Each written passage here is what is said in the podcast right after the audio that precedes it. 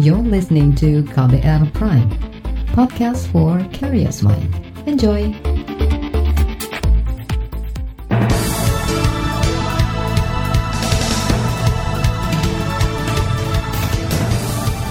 Selamat pagi saudara, senang sekali rasanya saya kembali bisa menjumpai Anda pagi hari ini di program Buletin Pagi edisi Selasa 6 Oktober 2020. Pagi hari ini, seperti biasa tim redaksi KBR telah menyiapkan sejumlah informasi untuk Anda. Di antaranya, DPR sahkan RUU Omnibus Cipta Kerja. Pemerintah janji tingkatkan kualitas garam produksi lokal dan aktivis Papua kritik pembentukan TGPF kasus penembakan. Dan saudara inilah buletin pagi selengkapnya bersama saya Reski Mesanto. Terbaru di buletin pagi.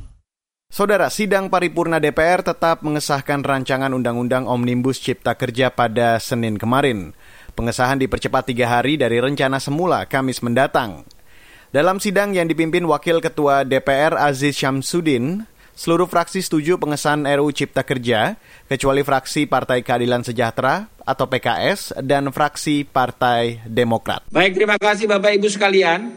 Telah kita ketahui bersama bahwa pandangan-pandangan fraksi 6 menyatakan setuju secara bulat, satu menerima dengan catatan fraksi PAN, dua menyatakan menolak. Sehingga berdasarkan mekanisme tata tertib pasal 312 dan 313 mengacu kepada pasal 164 yang disampaikan tadi, maka pimpinan dapat mengambil berdasarkan pandangan-pandangan fraksi di dalam forum rapat paripurna. Cocok. Bisa disepakati? Sepakat kedua. Baik, terima kasih Bapak Ibu yang kami hormati. Pengesahan RUU Omnibus Cipta Kerja diwarnai aksi keluar ruang sidang oleh anggota fraksi Partai Demokrat. Pengesahan rancangan Undang-Undang Omnibus Cipta Kerja tersebut dilakukan sehari sebelum rencana aksi mogok kerja dan demonstrasi dari kelompok buruh. Rencananya, sejumlah serikat buruh berencana menggelar aksi mulai hari ini hingga Kamis. Sementara itu, saudara pengesahan rancangan Undang-Undang Omnibus Cipta Kerja oleh DPR mendapat reaksi keras dari kalangan buruh dan aktivis. Yayasan Lembaga Bantuan Hukum Indonesia atau YLBHI menilai proses pengesahan RUU Cipta Kerja dilakukan terburu-buru dan tidak transparan.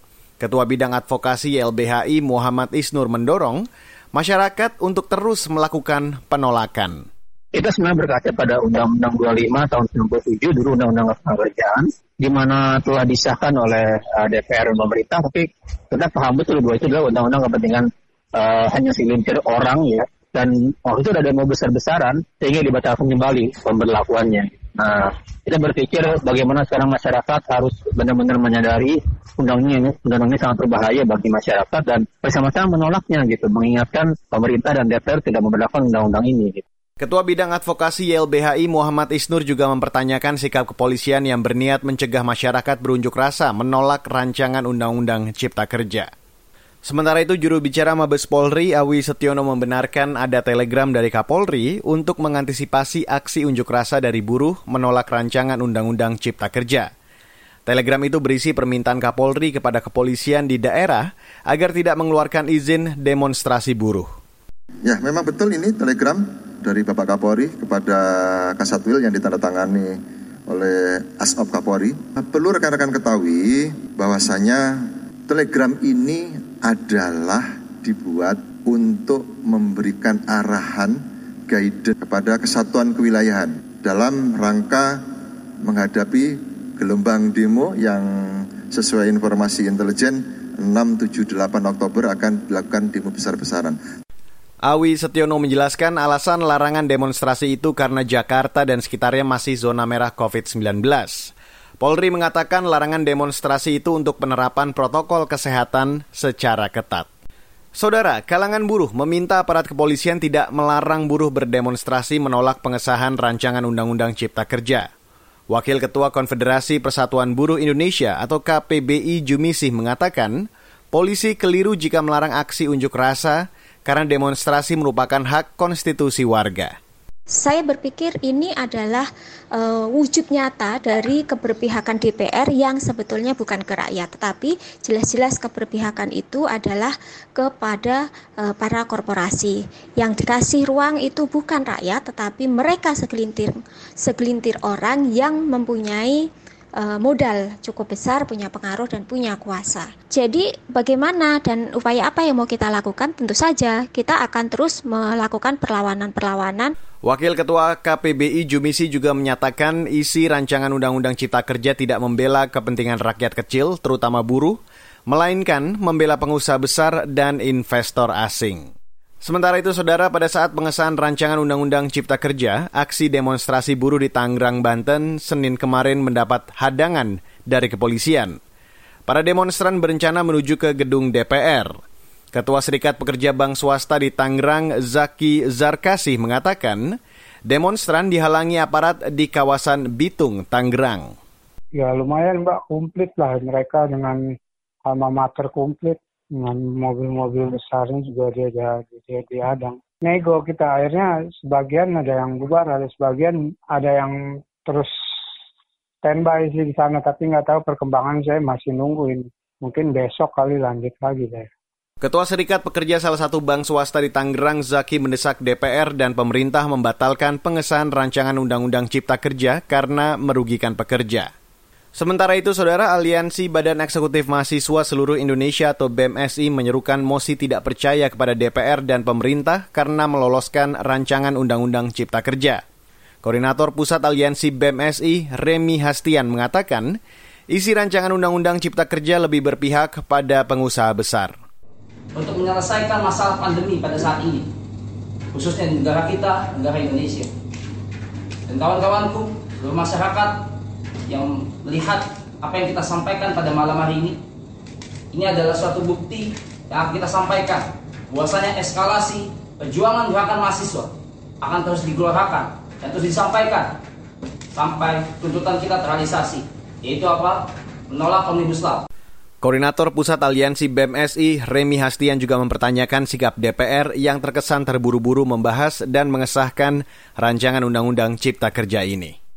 Saudara, Badan Pengawas Pemilu atau Bawaslu memberi peringatan kepada peserta pilkada yang melanggar aturan protokol kesehatan COVID-19. Informasi selengkapnya akan kami hadirkan usai jeda. Tetaplah bersama kami di Buletin Pagi KBR. You're listening to KBR Pride, podcast for curious mind. Enjoy!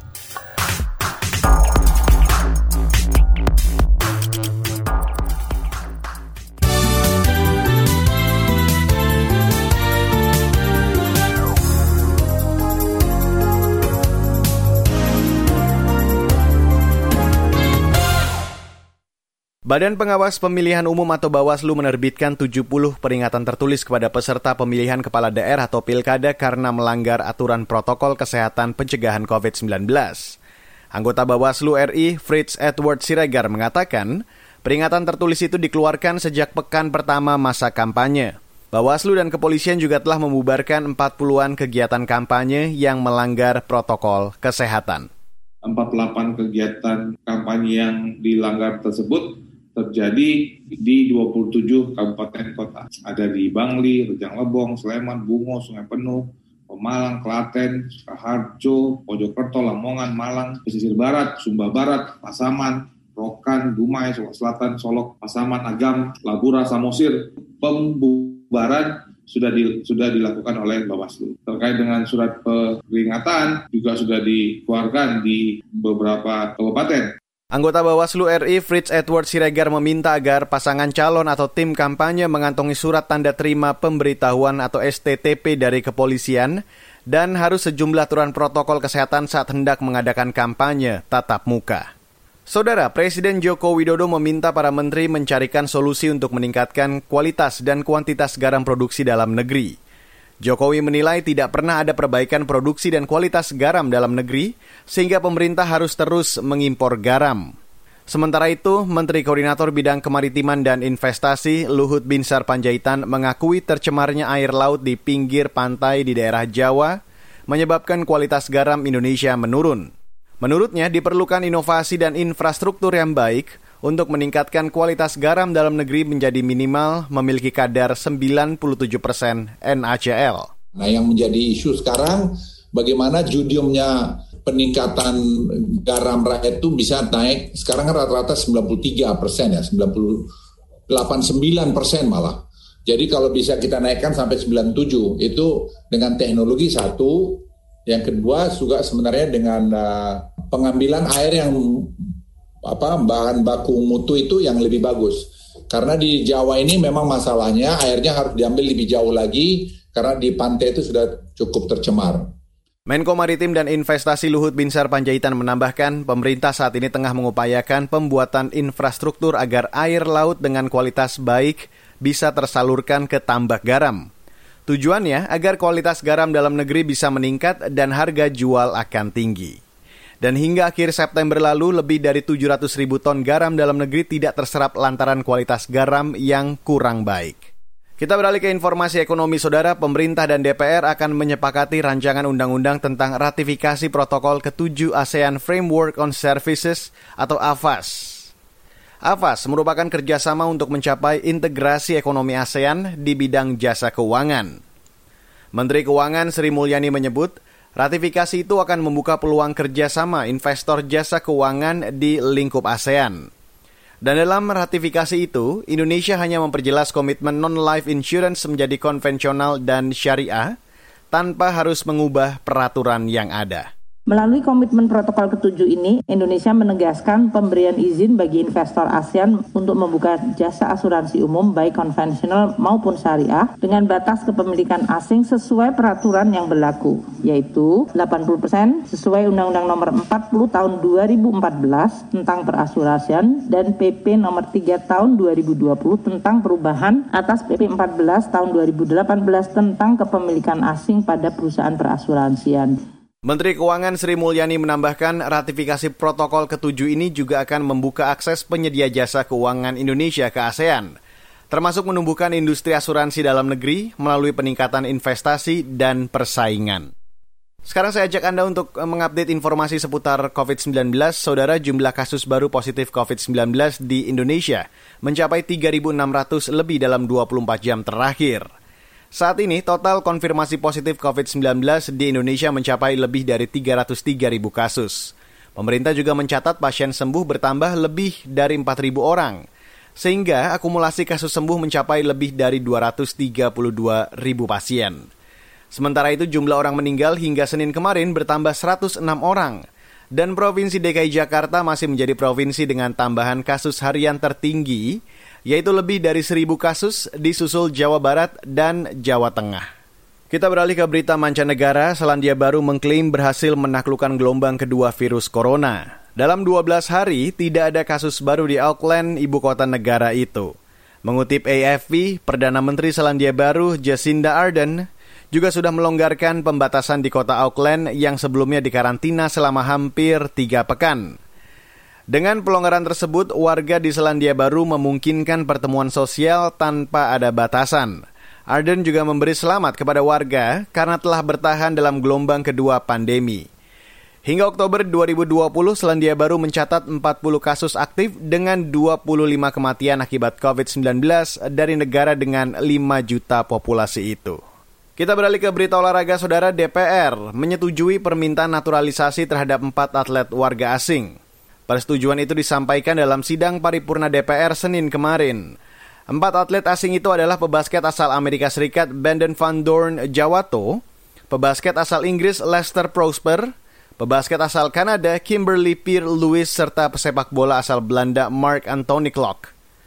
Dua pebasket di antaranya diharapkan bisa mendapatkan status WNI sebelum laga melawan Thailand dan Korea Selatan untuk lolos ke babak kualifikasi turnamen bola basket Piala Asia 2021. Indonesia harus bisa menempati 10 besar Piala Asia jika ingin menjadi tuan rumah Piala Dunia Bola Basket pada 2023. Saudara, laporan khas KBR bertajuk pesan nakes COVID-19 terkait demo Omnibus Law akan kami hadirkan usai jeda. Tetaplah bersama kami di Buletin Pagi KBR. You're listening to KBR Pride, podcast for curious mind. Enjoy!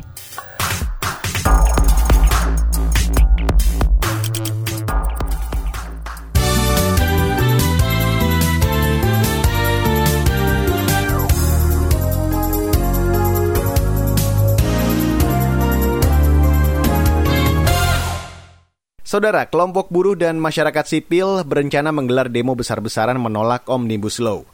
Tak bisa dipungkiri unjuk rasa di situasi pandemi bakal meningkatkan resiko munculnya klaster baru COVID-19. Lantas apa pesan tenaga kesehatan bagi peserta aksi? Simak laporan tim KBR yang akan dibacakan Valda Kustari ini. Rencana demo penolakan Omnibus Law ditanggapi dilematis oleh Ketua Persatuan Perawat Nasional Indonesia, Hari Fadilah. Ia memahami pentingnya penyampaian aspirasi itu bagi buruh. Apalagi, perawat juga sebenarnya bagian dari buruh yang bakal terdampak dengan keberadaan UU tersebut. Namun, Harif khawatir dengan resiko penularan COVID-19 karena demo pasti mengundang kerumunan. Yang memang dari pandangan pekerja bahwa Omnibus Law itu memang sesuatu yang tidak menguntungkan dibanding hari ini begitu. Tapi di sisi lain, kita sedang menghadapi pandemi. Dalam konteks pandemi, bahwa kerumunan itu merupakan salah satu potensi besar untuk uh, terjadinya penyebaran. Jika demo tetap digelar, Harif sanksi, protokol kesehatan bakal dipatuhi peserta aksi maupun aparat. Ia juga ragu koordinator demo memiliki mekanisme cegah sekaligus mitigasi COVID-19. Kalau pakai masker mungkin bisa dipaksa pakai masker. Tapi kalau jaga jarak kita mungkin nggak bisa konsisten dengan kondisi seperti itu. Fasilitas mencuci tangannya gitu, ya mudah-mudahan masing-masing menyediakan hand sanitizer. Beberapa kegiatan itu kan diharapkan ada rapid antigen atau PCR gitu kan. Nggak mungkin kita yang mau demo itu uh, eh, PCR dulu gitu. Itu siapa yang tanggung juga kan gitu ya. Nah ini artinya uh, aksi itu merupakan sebuah potensi atau uh, risiko ter terhadap penularan atau paparan Harif menyayangkan pemerintah dan DPR karena tak bijak dalam merespon protes kelompok buruh dan masyarakat sipil. Semestinya, ruang dialog dibuka lebar sampai mencapai titik temu, sehingga tak perlu lagi ada unjuk rasa. Dokter spesialis paru, Franz Abednego Barus juga mengingatkan potensi besar penularan COVID-19 saat demo Omnibus Law. Franz menegaskan tak menentang hak warga mengemukakan kebebasan berpendapat. Namun, ia menyarankan metode penyampaiannya diubah karena situasi pandemi. Banyak cara yang bisa kita lakukan tidak harus kumpul sedemikian rupa dan ketemu dengan para pimpinan DPR cukup dilakukan oleh beberapa orang saja tanpa harus menurunkan masa hmm. karena sudah terbukti apabila e, begitu banyak yang kumpul maka penularan akan cepat terjadi. Sulit untuk menjaga jarak sulit untuk setia ataupun konsisten memakai masker apalagi cuci tangan Frans khawatir bakal muncul klaster baru COVID-19 dari masa pendemo. Mereka juga beresiko menularkan ke keluarganya. Jadi saya pikir demo dengan pengerahan massa pada saat pandemi ini tidak bijaksana. Malah nanti setelah dia pulang dari demo, dia masuk ke rumahnya malah menjadi klaster yang baru lagi di keluarganya. Potensi itu ada. Apalagi rumah sakit dan tenaga kesehatan sudah kewalahan dengan ledakan kasus-kasus baru. Data per 5 Oktober, kasus baru mencapai 3.600-an, sekitar seribuan di antaranya di Sumbang, Jakarta. Padahal, ibu kota masih menerapkan pembatasan sosial berskala besar (PSBB) yang sudah berjalan tiga pekan. Dokter spesialis paru dari Rumah Sakit Omni Pulau Mas ini mencontohkan peningkatan kasus signifikan terjadi mulai Agustus lalu.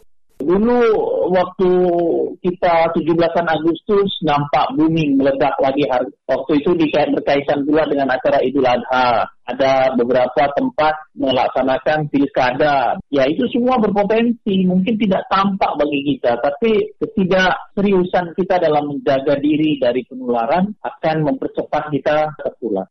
Sementara itu, Epidemiolog dari Griffith University Australia, Diki Budiman menyarankan demonstrasi tak usah digelar selama pandemi, apalagi penanganan COVID di Indonesia masih belum maksimal. Diki menilai kegiatan unjuk rasa juga harus beradaptasi dengan situasi pandemi. Jika toh demo tak bisa dicegah, maka sebaiknya dibatasi dengan sangat ketat semua harusnya mengutamakan kesehatan ya. Kalau misalnya memilih ada demo ya demonya harusnya ya nggak lebih dari 10 orang. Tentu dia jaga jarak dan juga memakai masker dan dan juga tidak lama-lama juga. Itu jangan demo lebih dari sejam misalnya ya. Ia menyarankan pemerintah mencontoh Australia yang menerbitkan aturan tentang pengumpulan massa di tempat umum. Namun, hal itu harus didahului dengan penguatan dalam tes dan penelusuran kontak. Setelah semua terpenuhi, warga diperbolehkan berkumpul, tetapi secara bertahap. Jadi saya ngambil contoh di sini aja. Setelah remi lockdown lah, bertahap itu yang disebut dengan pelonggaran itu. Mulai cuma boleh dua orang. Setelah dua minggu, no case, naik dari dua orang lima orang. Terus sekarang udah sampai ke 50 orang. Artinya pemerintah tuh harus punya strategi yang jelas, komprehensif. Demikian laporan tim KBR, saya Valda Kustarini. Demikian laporan khas KBR dan sesaat lagi saudara informasi dari daerah akan kami hadirkan usai jeda. Tetaplah bersama kami di Buletin Pagi KBR. You're listening to KBR Pride, podcast for curious mind. Enjoy!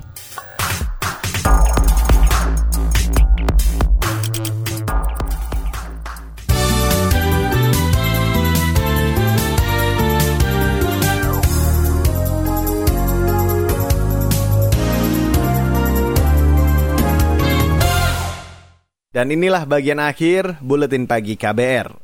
Kita ke Papua, Saudara. Lembaga Bantuan Hukum atau LBH Papua mengkritik pembentukan tim gabungan pencari fakta oleh pemerintah untuk mengusut kasus penembakan di Papua. Direktur LBH Papua Immanuel Gobay menyebut, pembentukan TGPF tidak melibatkan Komnas HAM perwakilan Papua atau lembaga-lembaga yang selama ini mengadvokasi masalah HAM di Papua. Keanggotaan TGPF justru lebih didominasi mereka yang berasal dari institusi negara seperti Badan Intelijen Negara atau BIN. Kalau kita lihat dari komposisi orang-orang yang menjadi anggota di dalam situ, tidak ada unsur-unsur Komnas HAM atau lembaga-lembaga advokasi. Di sisi yang lain itu paling banyak diisi oleh mereka yang dari BIN. Sebenarnya tim ini untuk apa? Nanti setelah ini hasilnya akan dikemanakan? Ini juga kan masih dalam tanda tanya.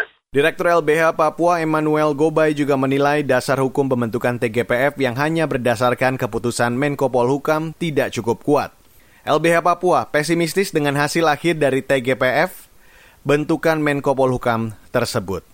Kita beralih ke Jawa Timur, saudara sekitar 27 ribu nomor induk kependudukan atau NIK warga penerima bantuan sosial di Kabupaten Magetan diduga bermasalah di database Kementerian Sosial. Kepala Dinas Sosial Kabupaten Magetan Yayu Sri Rahayu mengatakan, NIK yang tidak valid itu di antaranya kesalahan penulisan nama dan ejaan penerima bansos saat pendataan. Ini tidak valid itu misalnya di dalam satu kakak itu misalnya ada empat anggota rumah tangganya, tapi di DTKS baru tiga. Berarti itu juga dikatakan NIK tidak valid. Bisa juga akhirnya karena seperti ini akhirnya tidak terima manfaat, kemudian tidak PBI BPJS-nya menjadi dinonaktifan oleh kementerian. Kepala Dinas Sosial Kabupaten Magetan Yayu Sri Rahayu menambahkan ketidakvalidan NIK itu bisa berakibat penyaluran bantuan bisa salah sasaran. Dan saat ini Dinas Sosial dan Kementerian Sosial tengah mendata ulang 27 ribu NIK yang tidak valid milik warga Magetan tersebut. Dan saudara informasi tadi akhirnya menutup jumpa kita pagi hari ini di Buletin Pagi edisi 6 Oktober 2020. Pantau juga informasi terbaru melalui kabar baru setiap jamnya, melalui website kbr.id, Twitter kami at berita KBR, serta saya ajak Anda untuk menyimak news on demand kami melalui podcast di kbrprime.id atau tentunya di platform mendengarkan podcast lainnya.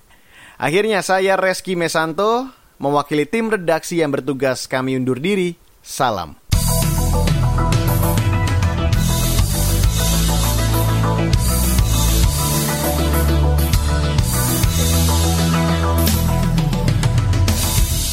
KBR Prime, cara asik mendengar berita. KBR Prime, podcast for curious mind.